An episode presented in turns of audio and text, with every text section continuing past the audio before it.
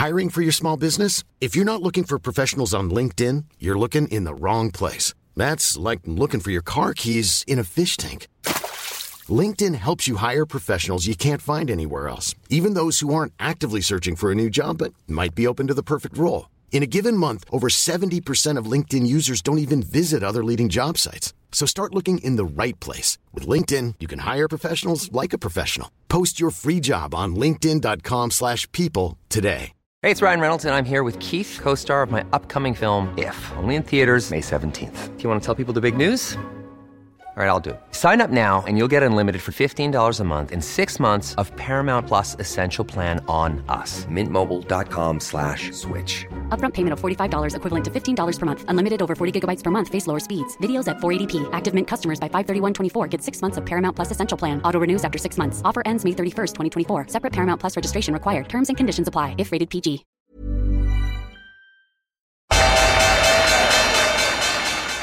They mistook leverage for genius. Leverage for genius. I would recommend Japan. The governments don't rule the world. Goldman Sachs rules the world. Velkommen til en ny episode av podkasten 'Tid er penger', en podkast med Peter Warren. Her er episode 109. Jeg heter Sverre og er produsent. Og i dag har vi hatt både veldig lett og veldig vanskelig med å finne tema, og det i seg sjøl er interessant eh, for hvor vi ligger igjen i markedet i dag, syns jeg. Men eh, jeg tror vi til slutt endte opp med altfor mye å snakke om her. Så eh, før vi starter, så tenkte jeg det er lenge siden vi har promotert alle de tjenestene vi har rundt eh, podkasten, og det er mange nye lyttere, så kan jeg jo minne på. På eh, Facebook så har vi ei gruppe som er Tid er penger, så bare søke der. Også på eh, hjemmesida så kan, får du tilgang på en live chat, som er nå nesten 6000 mennesker som har eh, vært innom. Eh, det er konstant aktivitet der, og da går du på tidapenger.no livechat. Du finner det også i menyen. Eh, alle de her tingene er altså linka i beskrivelsen. Vi har også et nyhetsbrev eh, som vi sender ut eh, samtidig som vi sender ut episoden, og i tillegg kan det være at det kommer mer senere, men i foreløpig nå så er det knytta til episoden. Så vi gjør en del research rundt episodene. Og det følger med, sånn at uh, hvis du, det er noe vi henviser til i episoden av et chart eller ei liste eller statistikk eller noe i en rapport, så legger vi mye av det med i, i, um, i det nyhetsbrevet. Og det nyhetsbrevet kan du signe opp på. I beskrivelsen ligger det en link. Vi vil også dele det på Facebook når vi deler, um, når vi deler episoden som vi har lagt ut. Og, og det er også tilgjengelig på Facebook-gruppa under sånne nyttige lenker.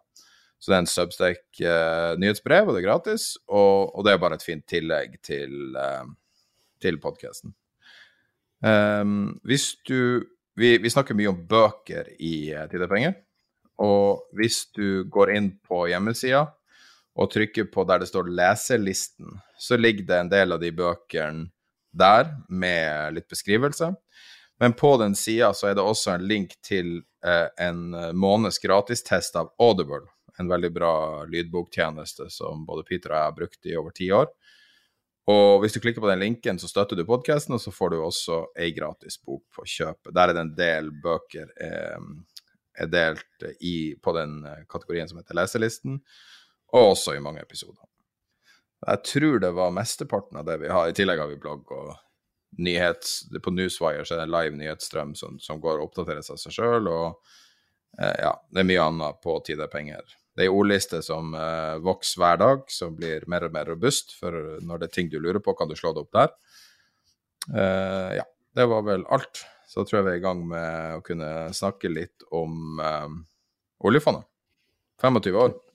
25 år. Gratulerer med dagen. Og i den forbindelse så hadde Finansdepartementet og oljefondet, eller Norges Bank blir det da, en halvannen times Eh, seminar på, på, på nettet i dag morges, uh, som ble innledet av, av Therese Riise Vålen og etterfulgt av Da var det Knut Kjær som uh, tok over staf, stafettpinnen og uh, intervjuet de, de, tidligere, altså Sigbjørn, Sigbjørn Johnsen og Jan Tore Sanner. Og så etterpå Altså alle sjefene var med. Yngve Slyngstad kom, og helt på slutten altså holdt da var, var, ordstyrer for, for én debatt. Og så helt på slutten så, så, snakket Nicolai Tangen, og så var det videoinnslag om, om alt som har skjedd med oljefondet. Men det var ganske interessant, og jeg tror det var Jeg mener det var Yngve Slyngstad som, som nevnte dette her, at uh, oljefondet har da siden opprettelsen for 25 år siden tjent 7000 milliarder. Og oljevirksomheten, altså hele oljevirksomheten for Norge, har tjent 8000 milliarder. Så altså det, det, putter jo i et visst perspektiv. Også, altså da Om man har gått fra at oljefondet, altså om man vil hver, hver nordmann, hadde verdier for 85 000 i oljefondet. I dag er det to millioner per, per, nordmann, til tross for at man har da tatt ut penger uh, hvert eneste år, og, som, ikke, minst i forbindelse med covid, men også de andre årene. Så det var interessant på det. Og så litt om investeringsfilosofien.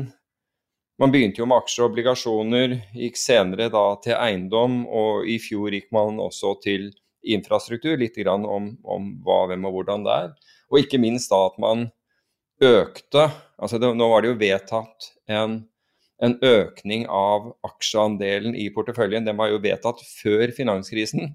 Veldig, jeg tror det hadde vært vanskelig å få den vedtatt midt i. Men pga. at man hadde Dette var for øvrig under eh, Da var Kristin Halvorsen uh, fra SV eh, finansminister. Men i hennes periode da Men man kjøpte da aksjer som Kristin Halvorsen uttrykte, med begge hendene eh, under finanskrisen. Og det er klart at med så mye penger som du hadde til rådighet, og kunne ta imot aksjer som da var 50-60 eh, lavere i, i, verdi enn bare ja, en måned eller to tidligere, så, så, ble det veldig bra. Historien har jo vist det at det ble, ble, helt utrolig bra. Så man må jo kunne si at, at det har vært en suksess å flytte pengene fra under bakken til, til, til overbakken, inn, altså inn til, inn til, Norges Bank og deretter ut til, til verdens, eh, verdens, finansmarkeder. Det har i hvert fall så langt, og det er ikke noe grunn til å tro at det vil være noe annerledes fremover, vært en, vært en stor suksess. Husker du lille julaften 1969? Nei, det må jeg innrømme at jeg ikke gjør. Når Ekofisk eh, Når de annonserte oljefunnet der? Ja, altså, jeg, jeg, altså jeg, jeg, husker i et, ettertid. Jeg husker det ikke da, men du kan si at jeg, husker jo uh, historien i ettertid. Det er jo Var, um, Kåre Valebrokk for øvrig var jo veldig flink til å foredra om, om den, den, perioden. 1973-74 begynte de å diskutere hvordan man skulle bruke pengene. Det tar tid der, altså. Ja. 1983 Eh, begynte de å utrede om det var mulig å etablere et fond. 1990 ble det vedtatt at de skulle eh, at oljefondet skulle stiftes. Og det første innskuddet kom i 1996 på 1,98 milliarder kroner. Mm. På slutten av 1996 så var fondet verdt Skal vi se her 47 milliarder. Mm. Rett, ja, nettopp. Det er litt sånn uh, Hvis det hadde vært avkastning, så er det ganske imponerende. Nå var vel det bare innskudd, skulle jeg tro. For da var de utelukkende investert i utenlandske statsobligasjoner. Og så i 97 ble det vedtatt at man skulle uh, investere 40% av fondet i aksjer. Ja. Um, og NBIM ble stifta i 98. Man føler at de her tingene har vært her til evig tid, men det her er jo relativt nylig, altså. Da, ja. da gikk jeg på uh, videregående. Hm. Så det er jo altså Jeg er ikke så gammel, liksom. Men en stor, en, en stor og det har vist seg da ekstremt vellykket beslutning da, å gå fra å ha verdi, alle verdiene i én en enkelt råvare, nemlig oljen, delvis, under, delvis, under, bakken, men man, man fikk, fikk, det jo opp. Til å plassere dette altså Du kan snakke om diversifisering, da. Man fikk det opp og diversifiserte da denne, denne formuen på alle mulige typer av, uh, av, av, næringsliv. Alt, altså Teknologi er jo en av dem, men alt mulig annet også som man har gjort. Og det har jo, virke, altså det jo, det har jo virkelig bidratt.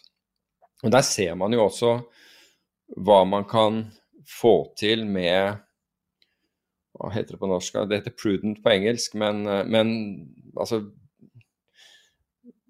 forsiktig, grundig forvaltning. altså Det, det er kanskje ikke det regnes som så for, forsiktig når du passerer 70 og, i, i, um, i, aksjer. Um, men det hele har jo med, med forventninger og, kom, og, kommunikasjon å gjøre. Og jeg må jo si at man har vært flink til å kommunisere risikoen, selv om det fikk jo overskrifter, og det var jo ganske voldsomt under finanskrisen, for da gikk det jo på hele tiden hvor mye hvor mye nordmenn hadde tapt.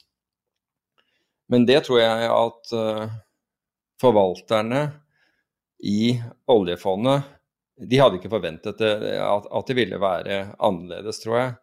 At man ikke ville second guess alt som var gjort i, i ettertid.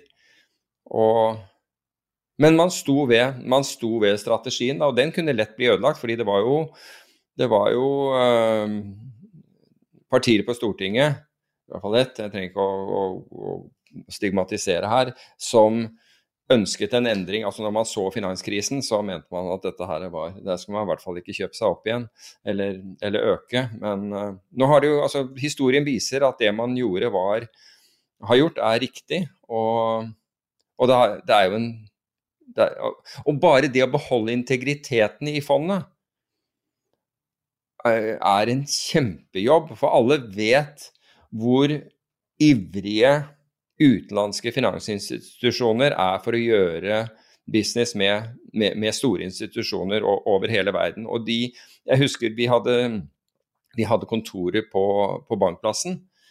Uh, dette var i, i 2002. Og da, kunne, da, da, det var en sånn fontene ute på den plassen, og da satte bankers, altså fra utenlandske eh, bankfolk, utenfor på, på, på, eh, ved, ved, den fontenen og bare ventet og håpet at de skulle komme inn uh, og få anledning til å treffe noen i, i oljefondet. Litt symbolsk at det er noe tilholdssted for prostituerte. ja. Det... Så det er prostituerte da, prostituerte da. Det er mulig, men, men, men nå, nå, skal det vel sies at disse var der på, på, Ja, det var mye rart som foregikk der også når det gjaldt uh, narkotika. Uh, men uh, men Ja, det er jo også ved siden av DN sitt gamle hovedkontor. Ja, det, det, lå lenger nede i veien der, det er helt riktig. Men det er like også akkurat, som en questionable eh, beliggenhet, da. ja, det var det, ja. Men uh, Men altså, ja. Nei, det, en, en, digre, en, virkelig digresjon, dette har ikke noe med oljefondet å gjøre. Men vi satt i styremøte, og, og, og da så, da, det var på, i første etasje, så vi så rett ut på Bankplassen. Og så ser vi en kar komme gående, og han ser mildt sagt skrøpelig ut. Du forstår at dette er en narkoman, og han ser ganske langt nede ut. Og Vi sitter da i dette styremøtet, og rett, midt ute på bankplassen, midt på dagen, så dropper han buksene sine ned og henter frem en, en sprøyte og setter den i lysken. Og vi alle og bare tenker å, fy fader, det der For det første så det forferdelig vondt ut. Uh, og, og, det er liksom litt sånn sjokkerende syn. da, Vedkommende er jo da altså Vi har jo vegg og vindu mellom og, og, og han er 20-30 meter fra oss. Og så tar han ut denne, og så går denne skrøpelige personen altså den, han, så, han, han så ut som han kunne bikke over ende når som helst. Plutselig så retter han opp ryggen, altså etter hvert som denne, dette dopet tar tak. Så retter han opp ryggen, ser opp mot himmelen, går opp på ett ben, og armene går ut akkurat som han flakser, og han sårer som en ørn. Og det der Jeg kommer aldri til å glemme hva, hva det, fordi Hva du mener?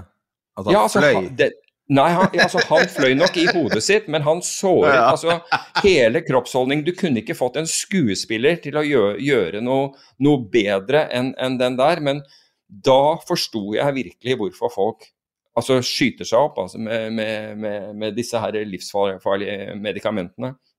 det, altså, det var en forvandling på denne personen som du, du kunne ikke innbille deg. At du kunne gå fra det, det, mørkeste mørke som det så ut når han kom, kom liksom øh, Når han kom over plassen der først, og til det han plutselig ble til ved hjelp av, av, av dette, denne, disse kjemikaliene. Det var Altså, alles måte og sto og tenkte Er det mulig? Er det mulig. Men det var en, det var en digresjon. Nå, nå, har jo oljefondet det eneste digresjon. Det kan man si. Jeg satt bare og venta på å se ordet oljefond igjen. Ja, hvordan, hvordan, skal vi gå tilbake til det? Var det, Når var det jeg sa de fikk første innskuddet? Var det 96?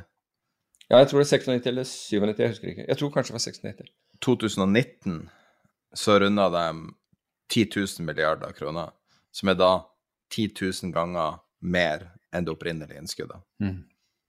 Det er ganske størrelse her, altså. Ja, det er helt voldsomt. Det er helt voldsomt. Og dette da, er med fornuftig forvaltning. Men, men, men det, det, var bare ville... tilskuddet fram til da, altså av de 10 000, var mm. bare 3300. Ja. Og resten var meravkastning. Mm. Eller avkastning, ja.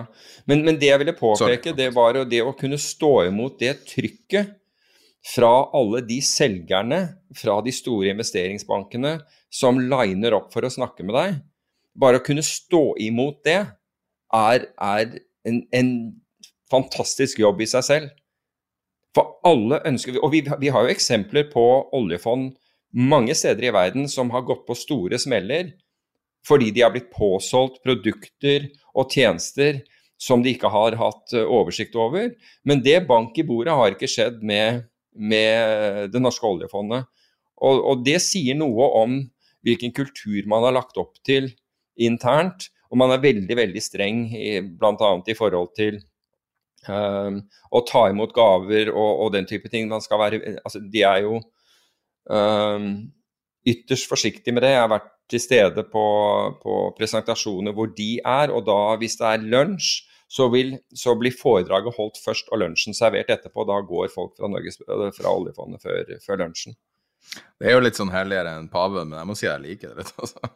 Jo, men jeg, jeg, jeg tror at, at en, Jeg tror faktisk at, uh, at det har også bidratt Den integriteten har også bidratt til, til resultatene. Jeg husker det var en uh, leder av et norsk meglerhus som jeg brukte å møte regelmessig.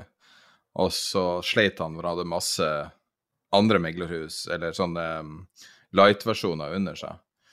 Og så, og så, fortalte han om en kar som Jeg lurer på om det var han hadde et personlig forhold til UBS eller noe sånt, som inviterte ham på turer og reiser. Og den, liksom, på en måte, i anførselstegn, bestikkelsen, jo påvirka hans beslutninger utrolig mye, og han fighta masse mot alle endringer og alt mulig, for han var redd for å miste den mm. eh, liksom må, årlige turen til om det var Monaco Formel 1 eller noe i den duren. Det var, det var, jo veldig mye av dette, dette tidligere. Uh, men for å være fair, så var jo ikke alt drevet av meglerhusene heller. Fordi jeg vet at kunder kunne komme og, og, og be om billetter til konserter. jeg vet ikke hva du snakker om nå. ja, ja. Så, Bare fullfør. fullfør.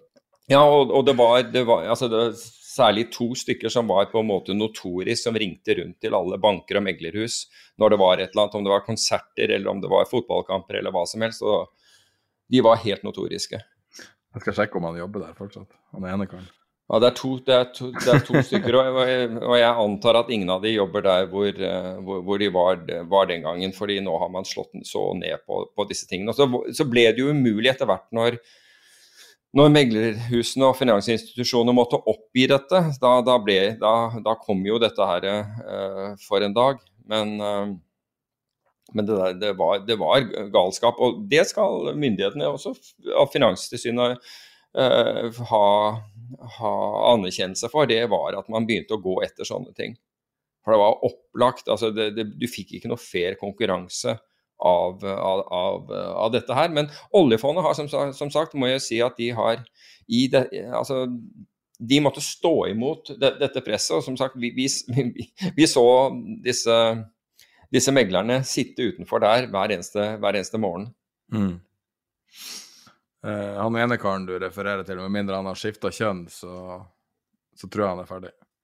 Uh, ja, det, det, jeg vil nok tro at den ene er uh, er uh, ikke, ikke, ikke, har, skiftet kjønn. De var, det, var begge, det var begge menn i, i de, de, to jeg tenkte på. Men det er mange, mange mange flere. Og noen meglerhus altså de, og finansinstitusjoner utmerket seg også ved hva de gjorde. Eh, på, på, den måten med, med kunder. Det, det, var på en måte ingen budsjettgrense for, for det, dette her. Men kundene igjen, altså alle forstår jo at, at hvis ikke finanshuset eller banken eller meglerforetaket eller forvaltningsforetaket tjente penger på dette, så ville de jo aldri så, så, så ville jo aldri bli tatt med på alt mulig, alt mulig rart. Sånn, sånn, var det jo. Jeg husker jeg snakka med Yngve Slyngstad en gang, og så fikk jeg stille han spørsmål som jeg alltid hadde lurt på hvorfor, syns, hvorfor er det ikke en god idé å gjøre det Steinar Bastesen foreslo i 1997? Jeg lurer på om det var et, le, var det et leserbrev?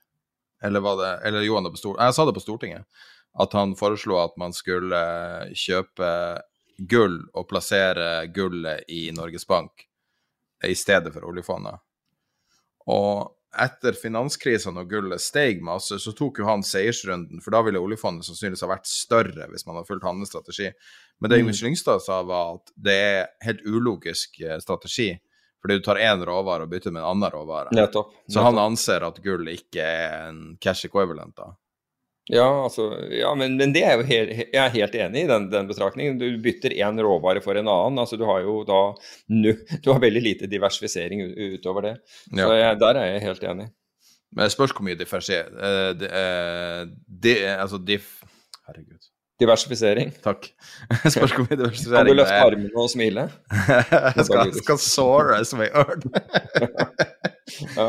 Nei, men uh, det spørs uh, hvor mye diversifisering det er i hvordan strategi de har, fordi at de eier jo på en måte alt og har kanskje et stort et, Jeg tror de har en litt bias mot USA. Um, ja, De vil jo ha en bias i forhold til indeksvekting, så det er jo for så vidt riktig. Men samtidig, altså Hvis du tar covid-krisen, da, så ser du hvilken effekt det hadde. Fordi man tapte på Altså, aksjekursene falt, men norske kronen falt også. Dollaren steg. Og fordi, fordi oljefondene ikke sikrer eh, seg i utenlandsk valuta, altså når de kjøper utenlandsk valuta, så står, de står verdipapirene i utenlandsk valuta. Så fikk man med seg eh, valutakursoppgangen på, på, dollar og euro og alle de andre valutaene som steg i verdi betydelig i forhold til norske kroner. Og så hadde man i tillegg Eh, statsobligasjoner som, hvor, eh, eh, hvor rentene falt, og altså kursen på statsobligasjonene steg. så hvis du ser tilbake til covid-krisen, altså, som var da brå og brutal, så klarte man seg veldig godt gjennom den takket være den diversifiseringen man har. Men det er klart at hvis Jeg husker vi satt og så på de verste dagene, så satt vi og så ja. på nbim.no, og så tikka kursen oppover når mm. eh, markedet var ned 3-4-5 Jeg husker ikke hvor ille det var, men det var jo 3-4-5% dager. Altså, norske kroner svekket seg jo betydelig. altså det, det, ble jo som en sånn søppelvaluta i løpet av bare eh, noen uker. ikke sant? Det var det som alle skulle komme seg ut av. Det var skremmende, så, og det er jeg ja, fort glemt. Ja, så Der eh, hjelper det ikke at du har ordnet økonomi, lav gjeld, uh, solid uh, altså Eh, egentlig solid, altså solid, vekst er jo ingen som har under, under, under, under en sånn krise, men du har i hvert fall en, en solid statsfinanser. Hjalp ingenting i det der tilfellet, fordi folk skulle bare kaste seg ut av alt som, var, eh, alt som ikke var superlikvid. Ja. Nei, og hva det var, 20, det var over 20 altså Krona har vel styrka seg over 20 mot dollaren siden da. Mm. Uh, som er en helt enormt i valutasammenheng. Så. Ja da. Uh, det er bare artig å sitte og se på oljefondet. Det er så mange båter å angripe der på. Men det som jeg syns er interessant med når du sier um, at like mye av meravkastninga har kommet av eller mer eller mindre like mye av avkastninga har kommet av, av, avkastning, av finansiell aktivitet, mm, mm. så er det litt spesielt at Norge har en det er jo noe vi har snakka om mange ganger, da, men Norge har en gigantisk oljeservicesektor og all mulige slags Altså, vi er jo verdens beste i veldig mange ting innenfor alt mulig, om det er transport av olje, eller om det er diverse serviceroller på, i Nordsjøen, eller hva det er for noe, så er jo Norge verdensledende i veldig mange av de feltene. Mens når det kommer til finans, så er jo Norge en av de kanskje siste landene, hvis man skal rangere vestlige land eller i-land eller hva det er, langt bak i bakevja når det kommer til finans. Så der har man ikke klart å man ikke klart å kapre de verdiene over tid. da. Nei, men, men samtidig så, så, oppfatter jeg at oljefondet er et hakk over altså det, det man tenker på gjennomsnitt av norsk finans, altså et betydelig Ja, men det er ikke det jeg mener. Det jeg mener er miljøet rundt. Ja, det. Norge som helhet. Hvis du er et oljeserviceselskap, så har jo ikke du noe å gjøre med Statoil, liksom, med Equinor. Mm. Og, og, på samme måte så, så, har ikke et norsk eh, Hvis det hadde funnes en sann investeringsbank i Norge, om, om, det er det eller ikke, men hvis det hadde vært en Altså, Goldman Sachs har jo fortsatt ikke et kontor i Norge. Nei. Og det er jo det tydeligste tegnet på at, at ingenting her egentlig betyr noe i den store sammenhengen. Fordi at hvis det hadde betydd noe, så vet du at Goldman Sachs og JP Morgan ville ha vært her. Ja, men altså JP Morgan var jo her, altså, eller vi sier at Ja, det var jo via et oppkjøp, var det ikke? Nei, ja, du kan si at Chase var jo i Oslo. Ja. Um, og så ble det JP Morgan Chase, men, men Chase uh, befant seg i Oslo. Citibank uh, var også i Oslo, men det var med, altså som, som, kontorer. Og så har du franske banker som også befinner seg her. Men hvis du ser på de store investeringsbankene, så finner du dem i altså Morgan Stanley, Goldman Sachs, Bank of America, Merrill Lynch, den gjengen der, eh, så, så, finner du, så, finner du, dem i Stockholm. Ja, jeg skulle sjekke noe. Det var i Stockholm mens du, mens du snakka. Nei, det, og det sier jo alt du trenger å vite, at, at det, er ikke, det er ikke attraktivt nok her. Eh, og det er på en måte den store feilen, det at man ikke klarte å ta oljefondet sine enorme verdier og gjøre det til verdier for landet i form av arbeidsplasser og for sånne her type arbeidsplasser er jo de beste lønna eh, mer eller mindre i, i et samfunn. Og ja. skape enorme merverdier for samfunnet hvis man har en uh, høyt uh, si, kvalifisert finansiell sektor. Det sånn. Men, av det mest ekstreme, altså, jeg nevnte jo disse meglerne som altså De aller fleste hadde jo møter, altså booket møter. Det var jo de få som, som, som Eller det gikk i hvert fall fort over at, at de kom til Norge for å uten uten å ha øh, ordnet møte på forhånd med, med, med, oljefondet.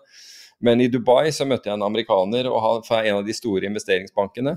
Og han hadde vært der i halvannet år og ventet fremdeles på å få møte med, med en av toppene i eh, Adia, altså Abu Dhabi sitt, sitt oljefond. Og, hadde, og, han hadde klart å holde dette her gående, for han var helt sikker på at han ville, han ville lande denne, denne Og de var veldig attraktive. Eh, de er store investorer i alt mulig rart. Um, og var på det tidspunktet Og det eneste som er større enn oljefondet, er det ikke Ja, de var det da. Jeg, jeg, tror kanskje oljefondet er enda større nå, men de var det på det tidspunktet i hvert fall. Men, uh, men ett og et halvt år, det, det, er ganske lenge. Så han bodde, bodde på hotell. Men han, uh, han, var helt sikker, han, han, hadde ikke mistet Han var ikke blitt pessimist på, på, den tiden. Han var helt sikker på han skulle, skulle komme inn og få, få møte. Så det er rart at de, de pleier å være mer profittorienterte, disse bankene, enn å la noen gå rundt og surre i, eh, på, på, stranden der, da. Men eh, i Dubai, for han bodde på et av disse strandhotellene. Det står her at uh, Adia har uh, 828 milliarder dollar mm. i assets. Du har to stykker der, da. Du har to fond. Du har Adia og Adik med, med C til slutt. Adik. Men, uh, Adia er det største. De er en av verdens største hedgefondinvestorer for øvrig. Adia. Ja. Så oljefondet er tett opp i verdens største, da. Ja. Det er ganske sykt. Um, uh, vi snakka før vi starta om, uh, liksom, om det var mulig å snakke, for det er et sånt tema som uh, altså, vi har alltid sagt liksom, at vi skal ikke snakke om politikk i podkasten. Og det er for, for, å ikke, for, å ikke skremme bort folk, altså, eller at man ikke skal bli uenig om noe som ikke har noe med finans å gjøre. Uh, så man er så ekskluderende som man begynner å diskutere f.eks. partipolitikk eller et eller annet sånt, så bare slår halvparten av i hodet. Mm. Men én ting, altså uh, geopolitikk, f.eks. Israel-Palestina, uh, vet jeg ikke om inngår i det her, i hvert fall litt avhengig av hvordan man snakker om det, kanskje. Men jeg tenkte på den, den der rapporten til BlackRock, eh, Ja. som, tar hånd, som ser på mange av de geopolitiske tingene. Jeg syns ikke det inngår i det forbudet på den måten, fordi at geopolitikk er jo superrelevant for, for risiko. Ja, det, altså jeg, jeg fikk denne, eller ble henledet på denne via, via Karen, en av, våre, en av våre lyttere. og Det var han som sendte meg linken, og jeg, og jeg printet den ut og leste rapporten. Og De har da en, de har et sånn geopolitisk risk dashboard, som de kaller det. Og hensikten med den er å se på, på den geopolitiske situasjonen og se om de risikofaktorene i den er hensyntatt i markedene. Og det mener BlackRock at det ikke er. Tvert imot så er det ekstremt eh, nedprioritert. Og det er, det er ikke så rart, fordi vi har jo gått gjennom på en måte alle mulige former for utfordringer nå i en rekke år uten at det har virkelig satt sine spor. Selvfølgelig covid satt, eh, satt spor og fortsatt setter spor, men det er også en av de tingene som de mener vi, vi, eh, vi undervurderer. Så på dette, på denne eh, risk-dashbordet til, til BlackRock, så, så finnes da covid-19, altså nemlig at du, at du får en oppblomstring av det. og Vi ser jo allerede nå at veldig mange føler at dette her er over, masken er kommet av. Vi, vi stimler sammen på både badestrender og på, på utesteder. Så at Sverige begynte å lette på tiltakene til tross for at altså, det, er jo, er døde folk som fluer. Er det et land som er mismanaged på, på, på covid-19, så må, må, det jo være Sverige. Herregud. Men det var ikke poenget. Men, men de mener at det, man har ikke tatt inn over seg den risikoen altså ved at man f.eks.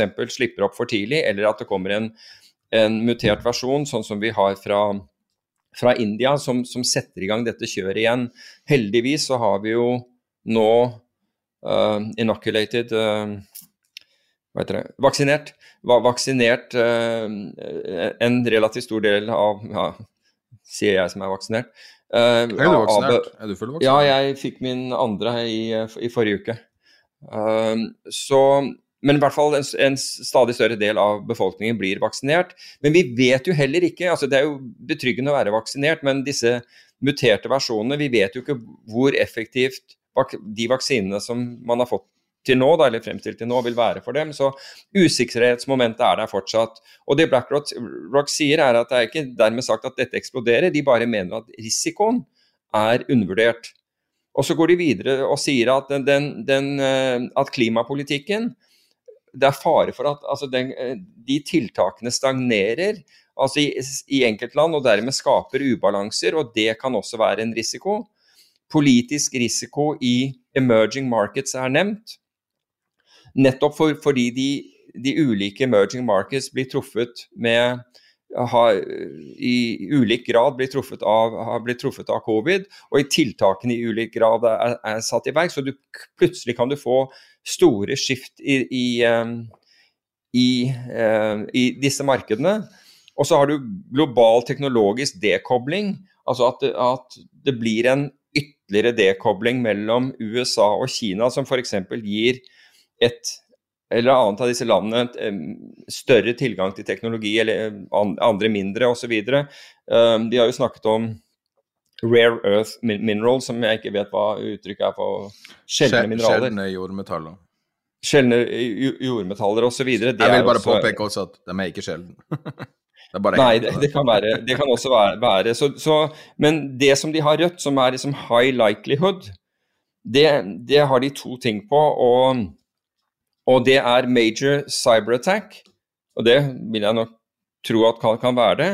Og global technology decoupling. Det er, det, det men, begge de mener de er, er, er, en high likelihood for. Og så har de medium på US-China Strategic Competition, altså da, som, som, vi nettopp snakket om.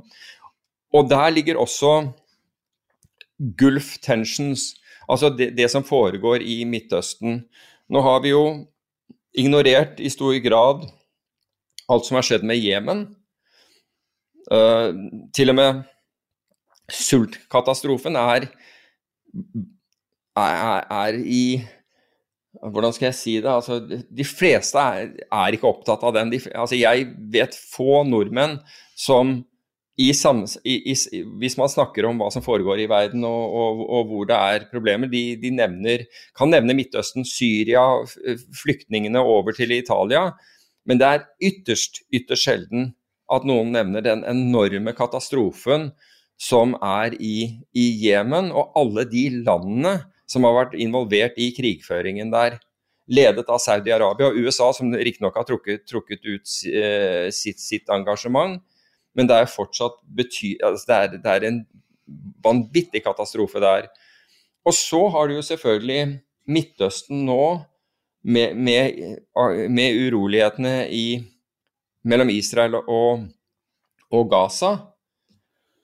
Og nå, De første signalene var jo at Netanyahu kom styrket ut av dette. Altså av den, den krig, krigføringen. Men jeg, jeg, tenker jo altså Hvis jeg skal gå Hva er sannsynligheten Altså Netanyahu har ligget svakt an politisk i Israel. Og han er jo også under etterforskning, og så vidt jeg vet tiltale også. Og når dette ja, er Før andre når, eller tredje gangen. Han har jo vært tiltalt ja, mange ganger. Men nå nærmer det seg valg, ikke sant? Og når da Nei, det har, det har vært valg, og, eh, og de fikk jo 28 dager til å sette opp en koalisjonsregjering fordi han vant ikke. Og så klarte han ikke det. Ferdig eh, et par dager, altså fristen gikk ut et par dager før det her oppstyret med Palestina starta igjen. Og så fikk eh, hans politiske motstandere muligheten til å eh, etablere en, sin koalisjon. Og så i går kveld så kom det en melding om at eh, eh, den, den, koalisjonen er i ferd med nå å klare å etablere det. Om det er noen dager før denne fristen går ut. Og det vil mm. si at det vil være slutten på han etter tolv år, da. Så det er jo, og politiske endringer i Israel, som er det mest uh, viktigste allierte til USA i Midtøsten osv. Men jeg, jeg, tenker på den oppblomstringen som skjedde. altså Palestinerne reagerte på at israelske styrker gikk inn i Al-Aqba-moskeen og banka opp uh, folk i, i, moskeen. Det er første gang man har liksom trengt seg inn i, den, i moskeen. Og samtidig så, så iverksetter man ytterligere Altså man tar fra uh, palestinere uh, sine boliger. Altså man, man øker da Man øker da den israelske bosetningen, altså ved at de, de, de får lov til å, å, fortsette. Altså dette er jo mot, mot, mot FN og, og, hele den, den greia. Men, men, poenget mitt er, altså, ikke for å bli veldig politisk, men, hvis, men Meir Dagan, som var sjef for Mossad i mange år, han sa at i hans tid, altså hele hans tid i Mossad, så mente han at, at uh, israelske statsministre hadde satt nasjonens interesser uh, over sine egne, med unntak av to statsministre. Og Den ene var Ehud Barak, og den andre var da Benjamin Netanyahu. Der var han helt klar, og han, han, gikk jo til valg mot Netanyahu. Da var han jo Da hadde Meir Dagan øh, kreft, og han, er, han døde jo øh, ikke så lenge etter han, han tapte valget mot, øh, mot, Netanyahu, men han var helt klar på at det, at det var kun to statsministre som han hadde arbeidet for, som satt sine egne interesser foran, foran nasjonens. Og jeg tenker at det hele det oppspillet som kommer mens eh, Netanyahu så svak ut på meningsmålingene og ble styrket umiddelbart, og det er helt riktig som du sier, nå svekket igjen. Det, det, er litt av et sammenfall, syns jeg, men, eh, men, i hvert fall eh, når det gjelder, Hvis vi går tilbake igjen til, til, til BlackRock, så er det altså det er altså spenning i Gulfen, altså spenning i det, eller i det området, det er er en altså som, som, leder til noe mer, er en av de eh, faktorene som risikofaktorene som de mener er kraftig undervurdert. Jeg har bare i, i, sin rapport. ett innspill på, på Israel, noe, en interessant ting som jeg ikke har uh, Jeg bare fulgte med litt i diskursen rundt liksom, det, hva man er redd for. For når man snakker om geopolitisk risk, så er det jo på en måte worst case scenario hele tida man, man balanserer, da. Og um, det som heter Samson option, kjenner du til det begrepet? Nei. Uh, det er da det var ei bok som var skrevet, jeg tror de 91, som omtaler det. For man vet jo ikke om, uh, om Israel har atomvåpen eller ikke, det har jo aldri vært klart, men veldig sannsynlig at de har dem. Og eh, angivelig har de en, en si, ja, geopolitisk plan som er for å på en måte presse alle andre land med å si at man har atomvåpen som peker mot alle naboene. Og hvis man ikke blir bistått, så fyrer de av alle samtidig. Det er liksom på en måte deres versjon av uh, den kalde krigen, da, kan man si, men som vedvarer. Uh, og så har jeg bare Altså, det her er en sånn historisk fenomen, det her er jo en, relativt gammel bok og sånn, men hvis du går på Google Trends, og så søker du på Samson Option, så har den interessen på, altså, uh, på Google-søk fra 2. mai, altså så skutt i været. Sånn at det er veldig mange som bekymrer seg for akkurat det, tilsynelatende, da, basert på Google-søk. Ja, altså jeg vil jo selv tro det, det er langt mellom, men eh, et langt stykke vekk, håper jeg virkelig.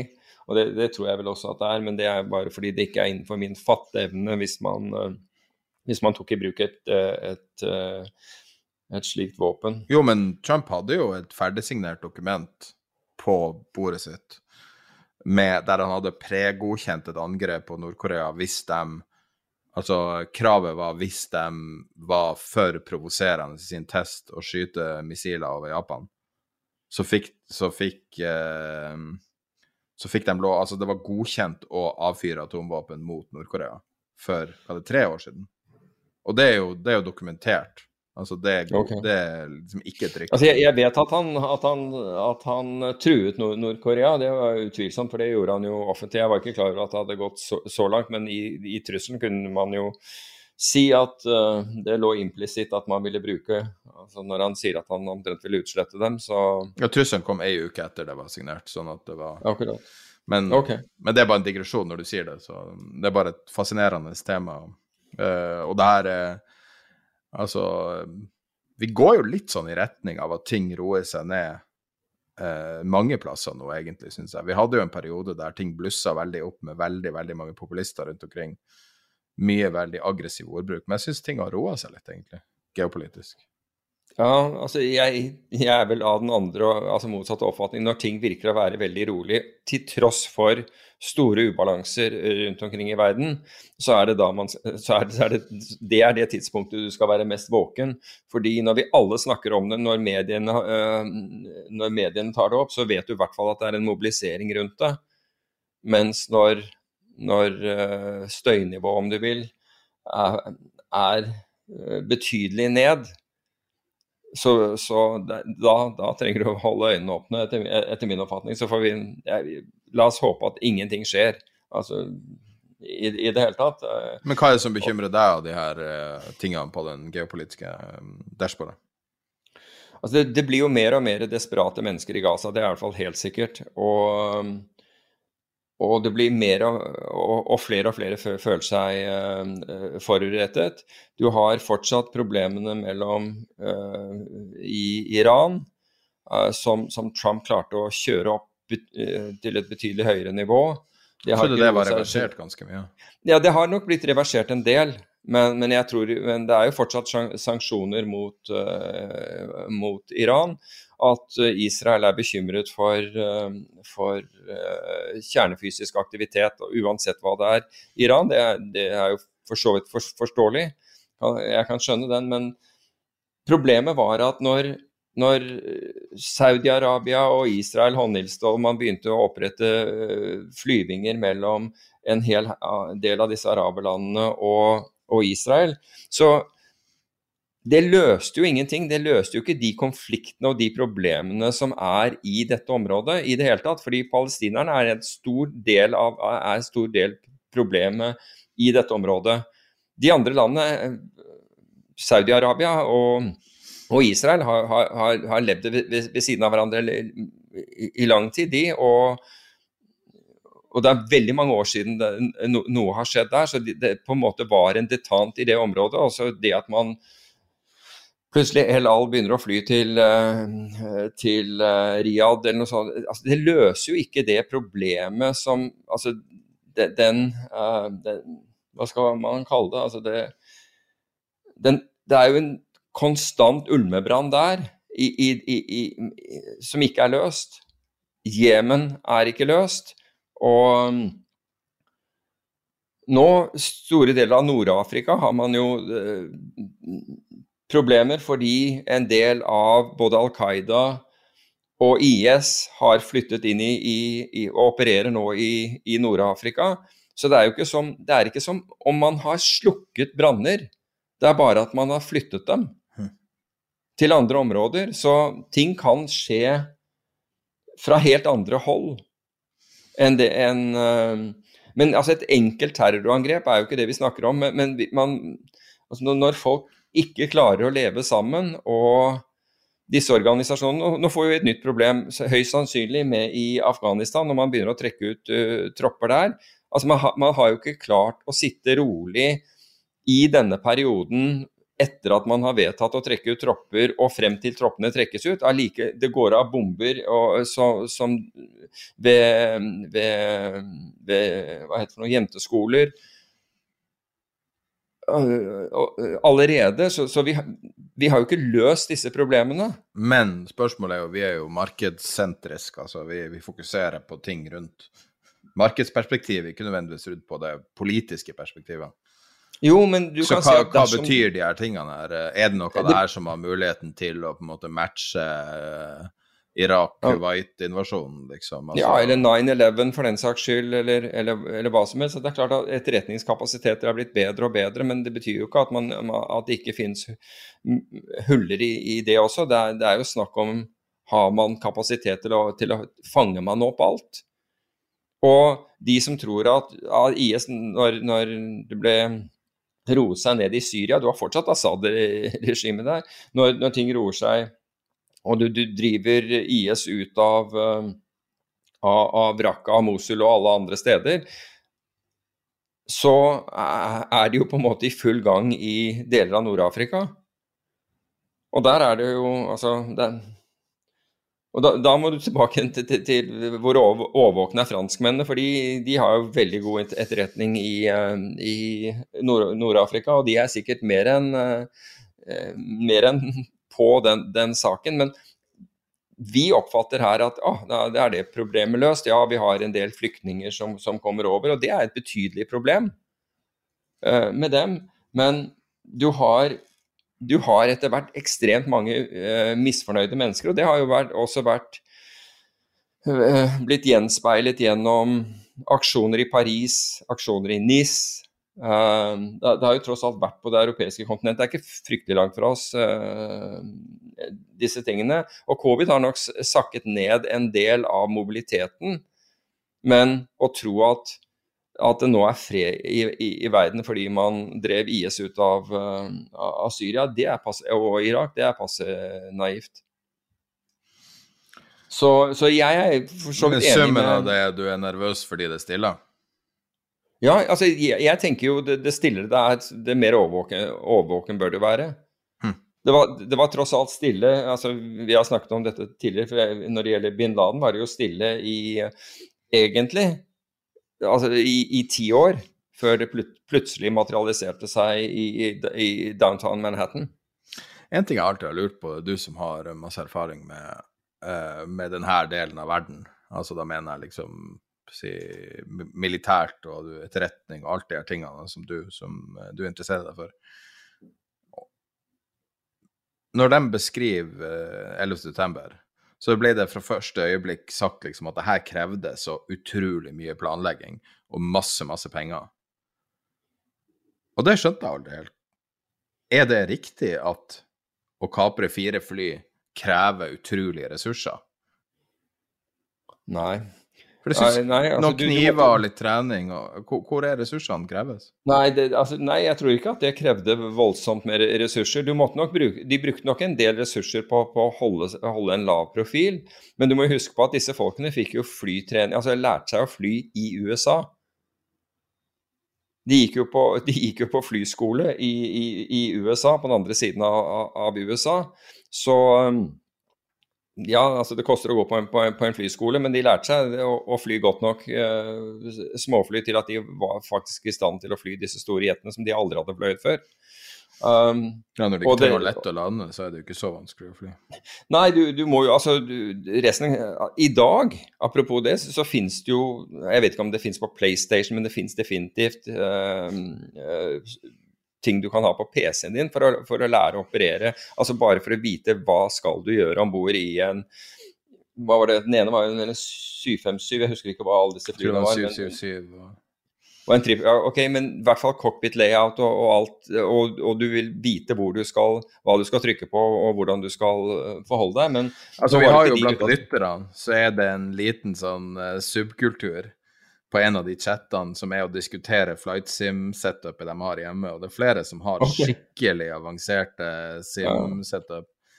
Så ja, det er kult. eh, Altså, det, er en, det er- jo en fin måte å lære seg instrumenteringen og lære, lære, for så vidt lære seg å fly. Men, men det, det sagt, så var det jo altså, Det var jo airline-piloter, altså United-piloter, som tok av fra, fra LaGuardia og, og de andre, andre flyplassene og gjorde climb-outen eh, til å begynne med, og så overtok disse her gutta Ja. ganske kjapt etterpå. Nei, jeg bare har alltid, alltid stussa på den der forklaringa om at det var så dyrt og så vanskelig og alt sånn.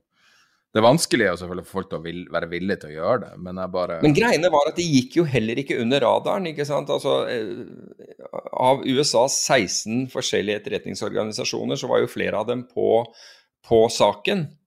Um, de visste jo ikke hva disse her drev med, men, de, men i hvert fall man, man fulgte med på bl.a. disse som, eh, som, som lærte seg å fly. Og problemet var at USA var jo i en form for ter terror-alert, men de trodde at trusselen ville komme utenifra, så de fulgte jo da med på personer som var på vei inn til USA, mens personene det gjaldt var jo allerede inne i USA. og Det var de kunne, og derfor de kunne operere så vidt fritt som, som de gjorde.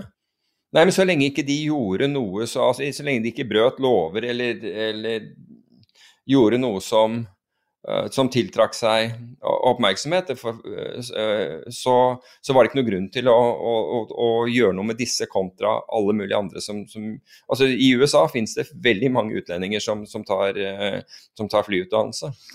Vet du hvem det sånn var som var var de aller, aller første til å oppdage 9-11-kapringa utover dem som var inni det flyet som ble kapra og krasja?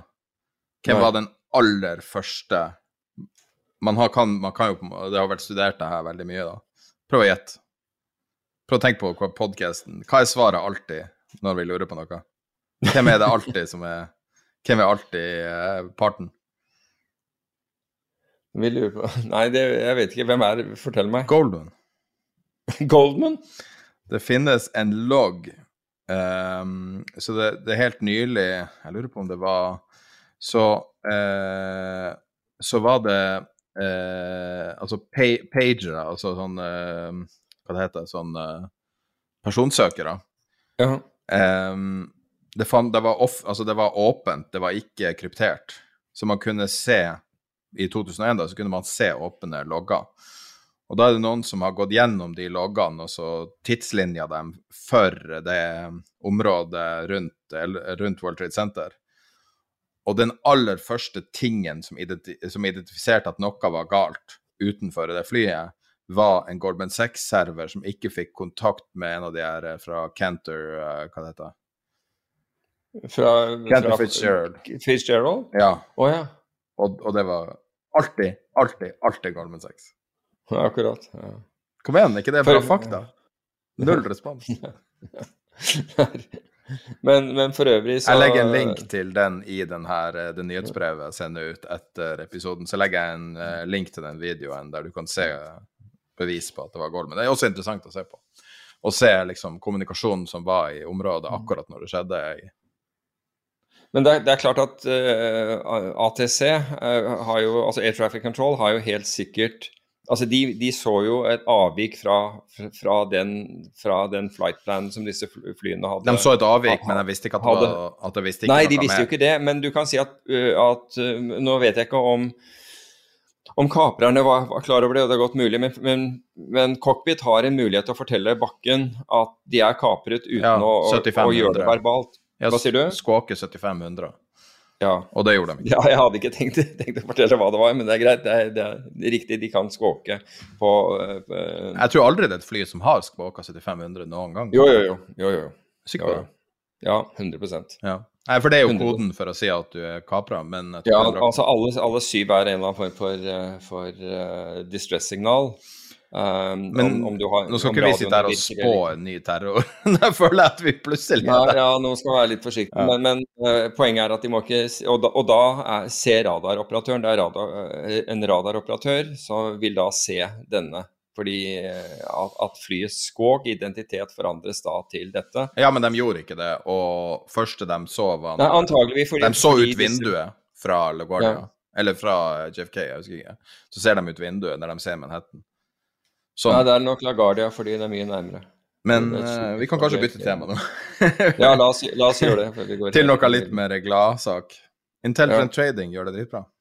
Ja, altså de, de, Hvorfor vi tar opp de igjen, er at det sto en artikkel om dem i, i, i forrige uke. og Jeg tror de hadde de hadde i hvert fall et rekordår i fjor med enten bare 300 eller 400 millioner kroner inn. Og så, og så står det en artikkel om uh, fysikere, eller matematikere, det er vel begge deler, uh, som da har tjent mye penger. Og, og, og, så får vi spørsmål etterpå om intelligent trading, om vi kan, noen gang, om vi kan snakke om dem. Og det har vi gjort tidligere, bare så det er sagt. og uh, Intelligent trading, da jeg først hørte om det, da, da, da satt de oppe i Hydro-bygget i, i, Oslo, i Bygdø allé. Og de var vel de første high frequency-traderne i, i, landet. Og de tradet da i tyske rentefutures um, med high frequency trading. Altså de, de tradet Bund Bobler-shots, altså 10-5 og 2-åringen i um, tyske rentepapirer på future-børsen i, i, i, Tyskland, hvor de var direkte tilkoblet og brukte da, hvis den ene flyttet seg, så, så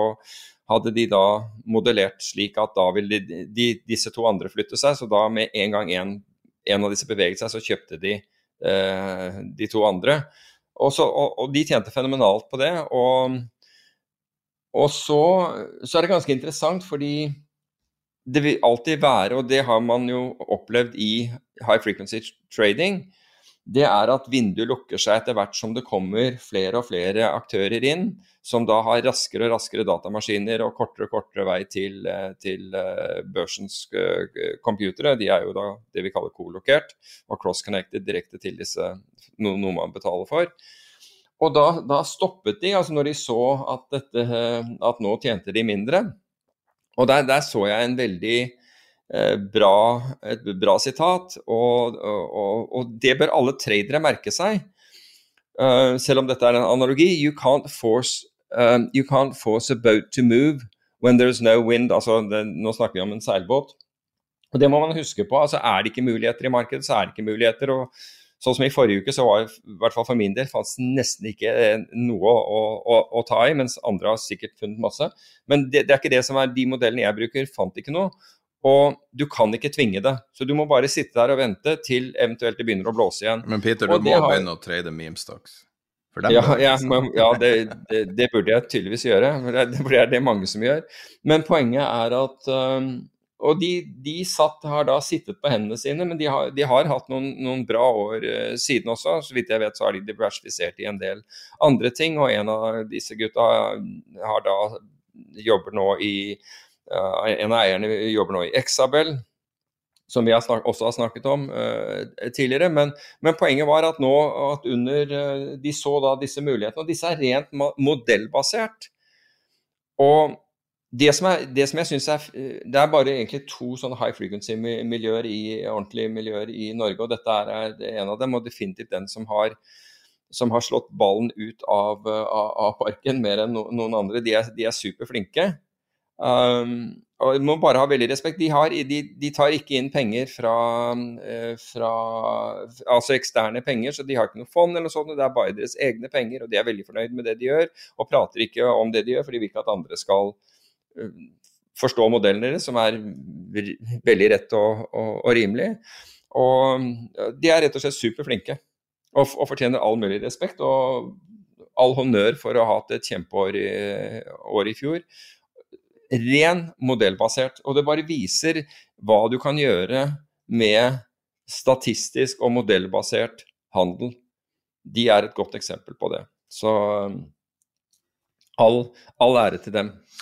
Det temaet jeg har litt lyst til å ta opp, som jeg satt og leste litt om en time før podkasten her nå.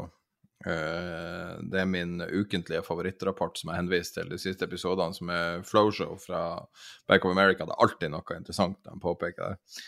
Og um, uh, en ting de trakk fram der som Altså, én ting er jo å si at man skal slutte med kvantitative lettelser, og man skal, man skal heve rente og alt sånn. Men når du ser omfanget både av hva som er i ferd med å skje, og hva som har skjedd, så får det deg til å sette, litt, sette, ting litt i perspektiv. Mm. Eh, så i år skal Kina, Storbritannia, Brasil, Norge, Canada, New Zealand og Russland heve rente og, og, eller taper. I tillegg så skal Fed, amerikanske sentralbanken, europeiske sentralbanken, Bank of Japan, Bank of England skal kutte kvantitative lettelser, altså støtte til markedet, trykking av penger, hva det enn du vil kalle det, fra 8000 milliarder dollar, altså 8 trillion dollar, til 3,4 trillion dollar. Eh, det man kaller billion på norsk, som du alltid påpeker. Mm. Eh, og eh, i år. Så 8 til 3,4, og til neste år 0,4. Så kvantive lettelser til neste år vil i praksis være over. Eh, samtidig som det her skjer, så ser du på alle de forskjellige stimuliene som har vært rundt omkring på jorda. Jeg legger ved den tabellen, for den er helt utrolig. Legg det med i det nyhetsbrevet som går ut med episoden. Der du ser eh, sortert på prosent av eh, BNP som har vært stimulitiltakene. Og det landet som har stimulert ja, har du Uten å se på det, vet du hvilket land som har stimulert mest av alle? Nei, fortell. Italia. Mm. USA er langt ned på lista, men dem er jo selvfølgelig en mye større økonomi. Så USA, USA, Tyskland og Japan er soleklart de største. Men Italia, nei, Italia og Tyskland er de to aller, aller største, der det er rundt eh, 75% av BNP de har eh, hatt i stimuleringstiltak i økonomien. Så mitt spørsmål er er vi på en episk historisk peak her nå, der pengetrykking, alt sammen Nå har alt siden finanskrisa bygd seg opp til det her punktet. Akkurat nå skjer det. Nå stopper det. Nå stopper toget å gå, fordi at nå har sentralbankene sagt at nok er nok. Nå er vi skremt av inflasjon i USA, eller hva enn det er som er grunnen til at de har lyst til å heve renta, kutte QE og alt mulig er, er, nei, er musikken i ferd med å stoppe? Altså, da, da, vil jeg jo si Eller da vil jeg liksom spørre tilbake at hva er Hva er den gjengse oppfatning uh, om finansmarkedene nå i uh, Altså blant, blant finansaktører? Og jeg skal svare på det selv. Og den gjengse oppfatning Uansett hvem jeg eh, snakker, snakker med, så, er, så, hvis man snakker om muligheten for uro altså du kan, du kan kutte ut pengetrykkingen, du kan trekke penger ut av markedet, du kan gjøre hva du vil. Men alle synes helt overbevist om at hvis det blir den minste nedgang i markedene, så skrus krana på igjen. Og er dette en, er dette en sannhet? Jeg ville aldri stolt på det som, eh, som, en sannhet for egen del, men det kan hende at jeg altså, Godt mulig at jeg tar, tar, feil, men det er den gjengse oppfatning der ute at det spiller ingen rolle, for hvis dette her ser det minste svakt ut, så pøser man inn fellesskapets midler på nytt igjen.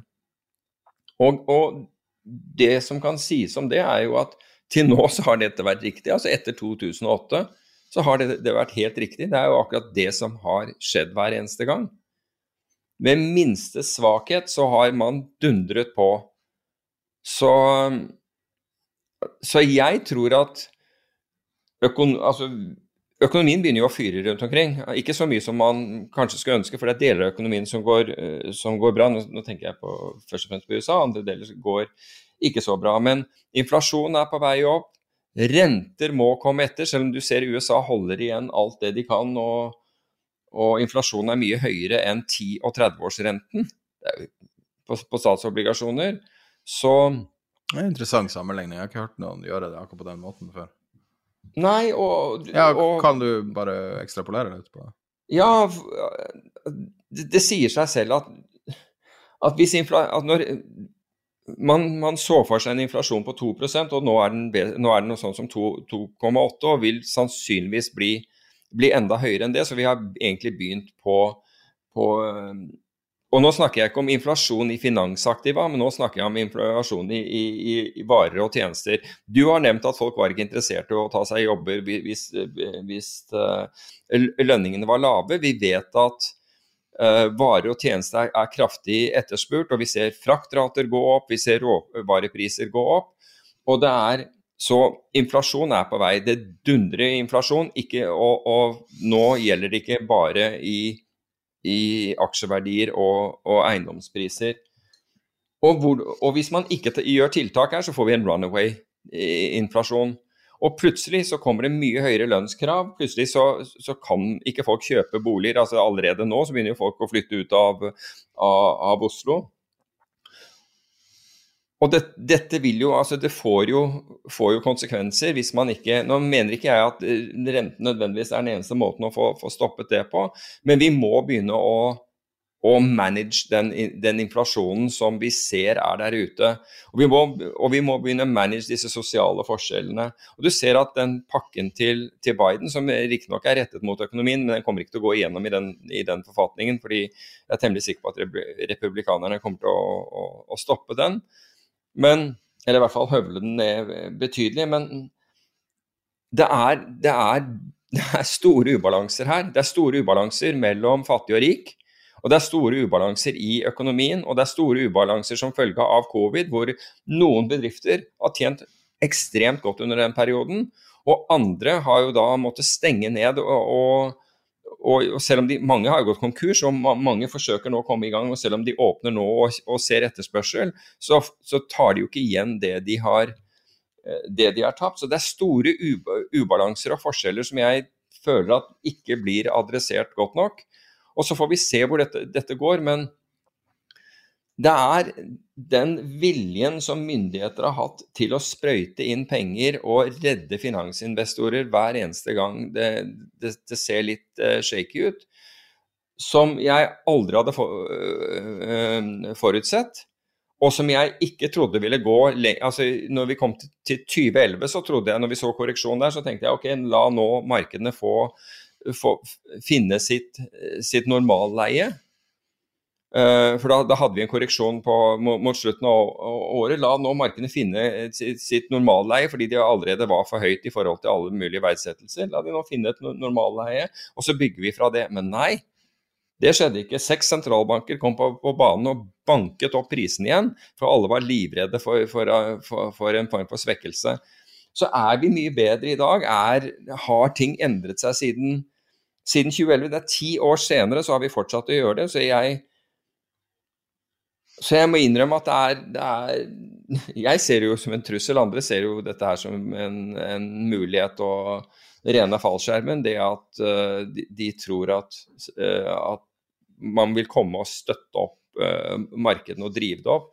Men det må vi huske på at det, når vi driver finansaktiva opp, så, er, så begunstiger det en liten gruppe mennesker altså ut, ut, ut, samfunnsmessig liten eh, gruppe mennesker, veldig velstående mennesker, men det du gjør er å, er å, opprettholde deres og gjøre dem rikere på bekostning av andre ting i samfunnet. For det koster penger å drive med dette her. Ja.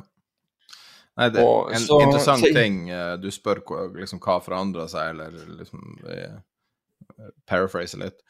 En ting som virkelig har forandra seg, er hvordan du driver analyse i uh, Morgan Stanley, f.eks. Morgan Stanley putta mer eller mindre hele sitt uh, sånn senioranalyseteam på en rapport for å, for å, snakke om hva er det de er bekymra for i forhold til hva som ikke er prisa inn nå. Og en av de, altså det, det, var veldig uinspirert hvis du sammenligner med BlackRock, som jeg syns er litt mer kreativ i form av at de tør å tenke på, på negative ting. Men, uh, og en av de fire tingene de påpeker når de kan ta alt på jorda, så er det det at du får ny sentralbanksjef i USA til neste år. og det sier litt om for det første at å drive analyse har forandra seg ganske mye. Um, det um, historisk sett så drive økonomisk analyse var basert på makroøkonomiske tall, var basert på eh, mange faktorer, og hva sentralbanken skulle gjøre, var definitivt ikke topp fire av faktorene historisk sett, eller det var iallfall ikke nummer én eller to. Og nå har det jo vært de siste tolv årene har jo vært skal du prøve å analysere på vegne av kunder, altså til kunder og finne ut hva du skal investere i, så er det jo bare hvor, hvordan skal pengetrykkinga foregå. Det er jo mm. det som har vært hele veien. Ja. Eh, men jeg tror den inflasjonen som kom i USA, fikk hele verdens sentralbanker til å sette seg opp i stolen. Fordi at alle har sittet og venta og venta og venta. Og den diskusjonen rundt, eh, MMT, som er, er, mer eller mindre at man har kvantitative lettelser til tidens slutt. Altså du bare mm. stopper aldri. Og argumentet, der har, ja, og argumentet der har jo vært Men inflasjon har jo ikke kommet. Alle sa jo inflasjon skulle komme, og det har ikke kommet. Mm. Og det er jo selvfølgelig for det første fordi at pengene har ikke nådd folk fordi at du har fått mer og mer ujevnhet. Du har ikke nådd vanlige mannen i gata. Og det sekundet du gjør noe annet enn å gi eh, banksjefer penger indirekte, så får du inflasjon med en gang. Selvfølgelig får du inflasjon.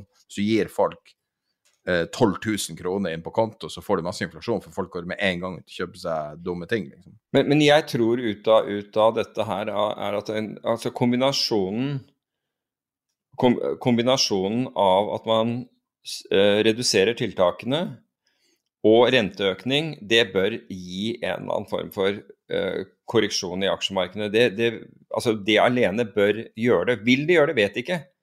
Jeg vet ikke, fordi jeg, vi, vi, vet ikke hvordan, hvordan, sentralbanker vil reagere. Og, det, og, bare å si det bidrar nesten til at man ikke, at man ikke forholder seg til, til, eh, til risiko.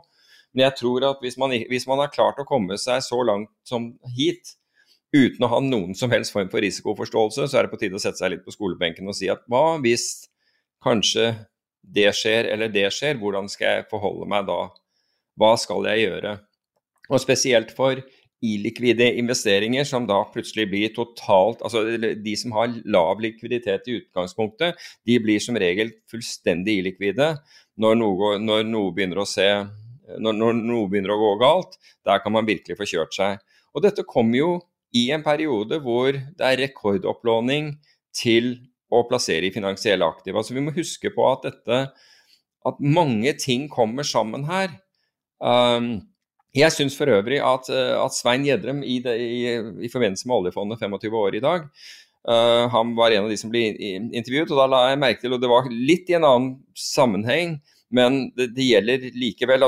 Han vil sikkert være enig i at det gjelder for generelt, men han sa at respekten for penger har tapt seg noe. Og jeg vil jo si at det har tapt seg veldig mye, men Det var tittelen vi hadde for to uker siden. Betyr det ja, at han og... hører på podkasten? var ikke det tittelen vi hadde for to uker siden på en episode? Jo, vi hadde nesten den. Jeg husker ikke akkurat hva Null respekt for penger. Null respekt, ja. Åh, Så, fantastisk! Han hører på podkast. Ja. Så, og Svein Gjedrem er, er, en bra mann. Han har mye erfaring både fra da, Finansdepartementet og, og, Norges Bank. Men poenget mitt er at den, den, den mangel for respekt vi har for penger, den, den, gir seg hele tiden utslag. Og hvis jeg kan hoppe da til det, der, det neste linje, egentlig altså dette altså Nå har vi hatt en korreksjon i, i kryptomarkedet for øvrig så er jo alle blitt en eller annen form for kryptoeksperter. Jeg får veldig mye henvendelser angående, angående, krypto, og det er veldig mye snakk om, om, krypto. Selvfølgelig når du faller fra 64 000 dollar til 30 000 dollar, så, så, så skjer det noe. Altså når folk mister halvparten av, av sine verdier i løpet av, i løpet av noen dager, så, så skjer det noe. Men den morsomme saken var Jeg var ute her for, forleden dag og gikk, og da ringte telefonen. for jeg, jeg, pleier jo ikke å ta den, men jeg ventet en annen telefon. Så jeg tok den, og jeg har telefonen i lommen og ørepropp. Og så, og så er det en som da snakker om, uh, om krypto.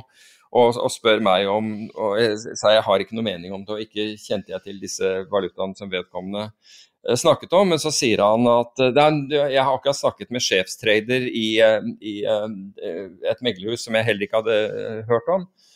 Og han, han, sier at dette her, at nå er det bare å gå all in. Det var ingen fare å gjøre det. Og så bet jeg meg merke til, til, til navnet, da. Og, og, så gikk jeg da, når jeg kom hjem, så, så, gikk jeg på LinkedIn og slo inn denne sjefstraderen.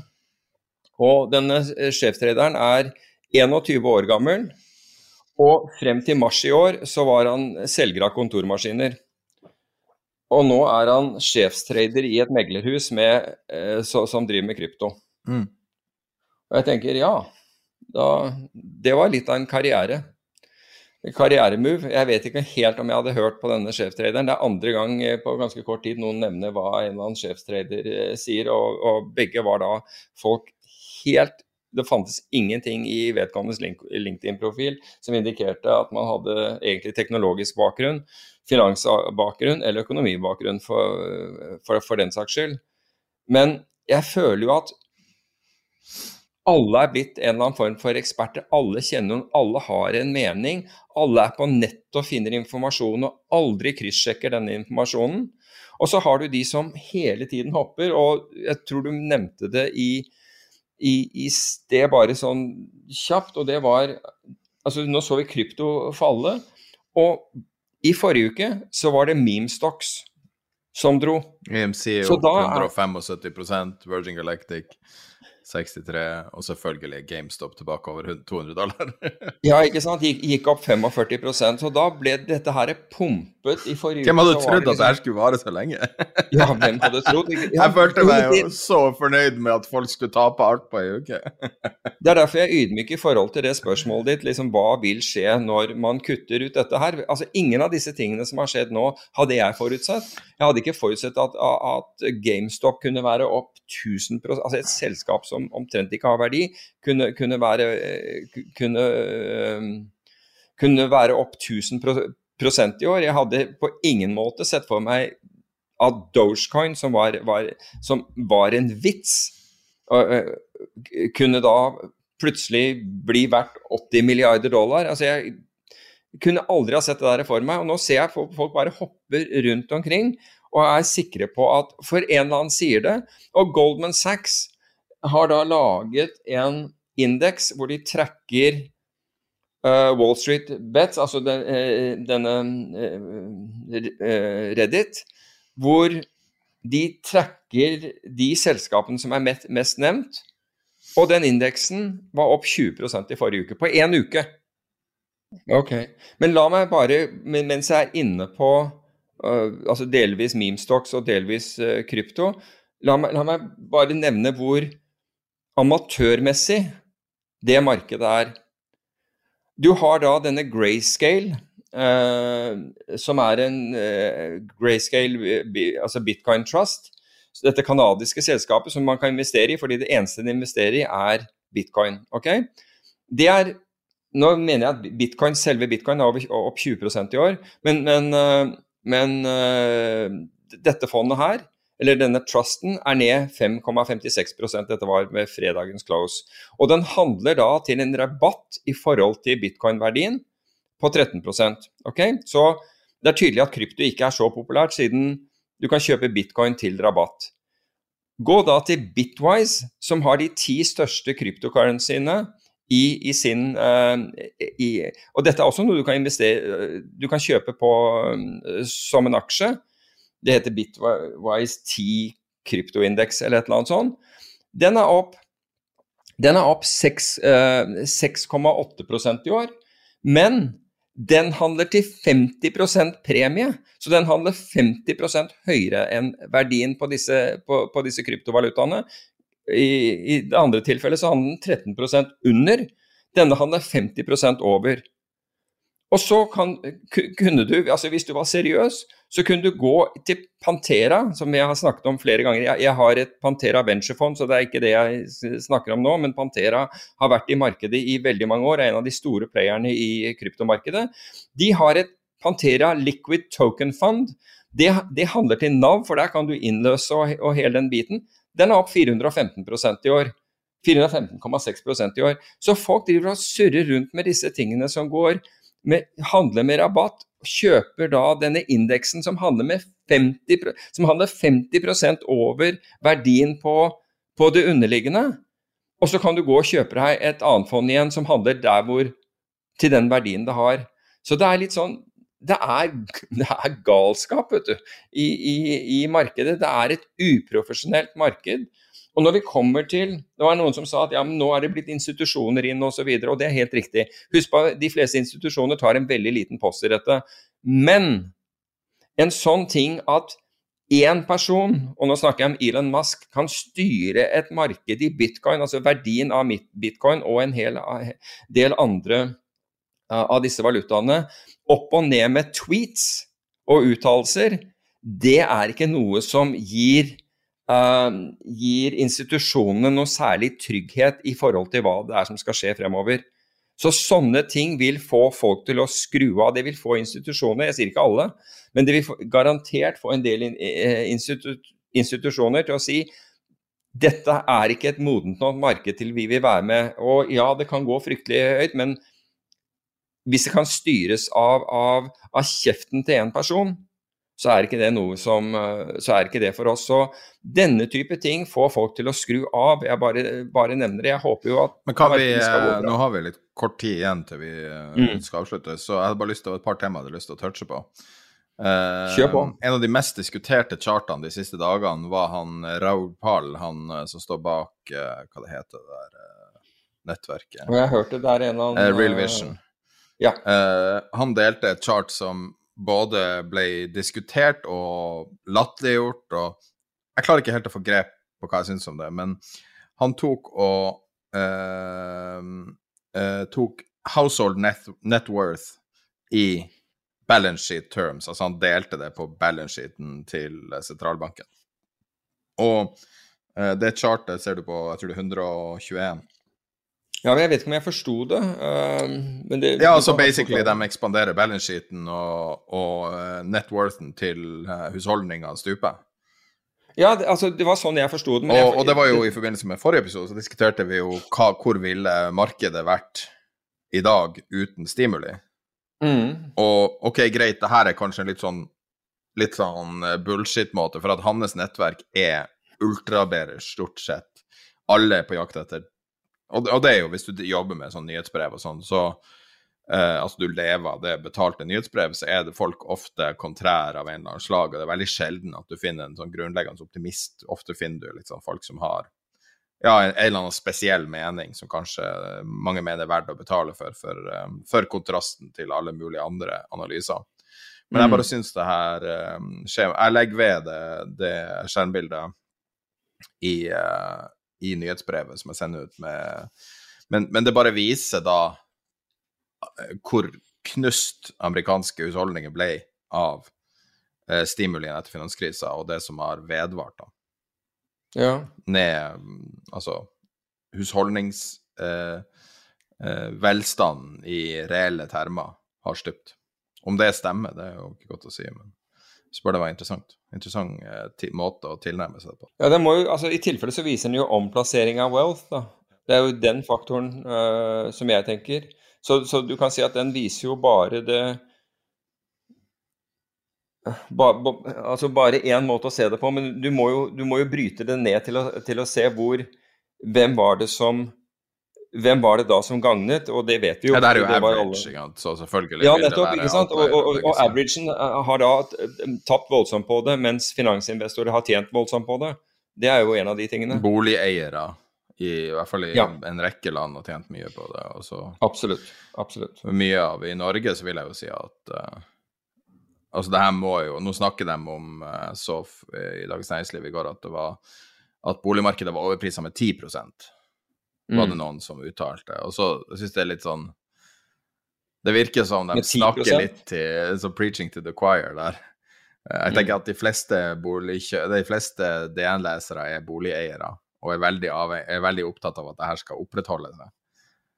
Um, så 10% var liksom sånn underlig, et underlig tall For hvis markedet er overprisa, så skulle man tro at det er overprisa med en vesentlig mer enn 10% Ja, det vil jeg også At. Når vanlige folk ikke har råd å kjøpe bolig, så må jo være overprisa. Historisk sett har jo en vanlig arbeider eller sykepleier eller whatever klart å kjøpe seg bolig i hovedstaden. Mm. Sånn at uh, ja.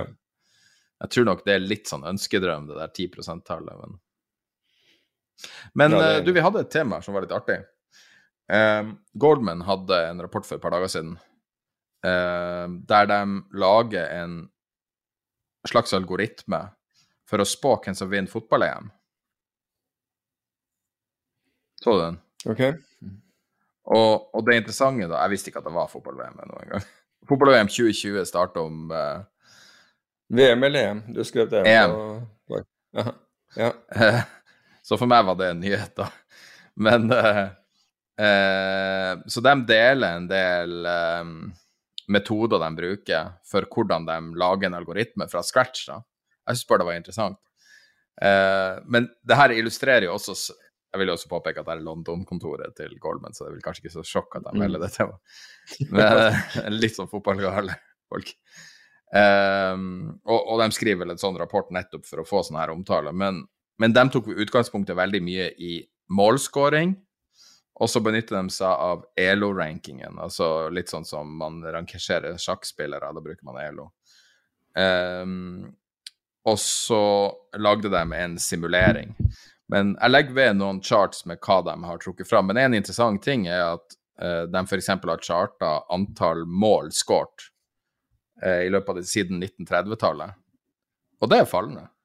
Litt overraskende, mm -hmm. egentlig. Og så Um, og så lager de en uh, Altså, de lager en ELO-rating, eller setter opp ELO-rating til alle.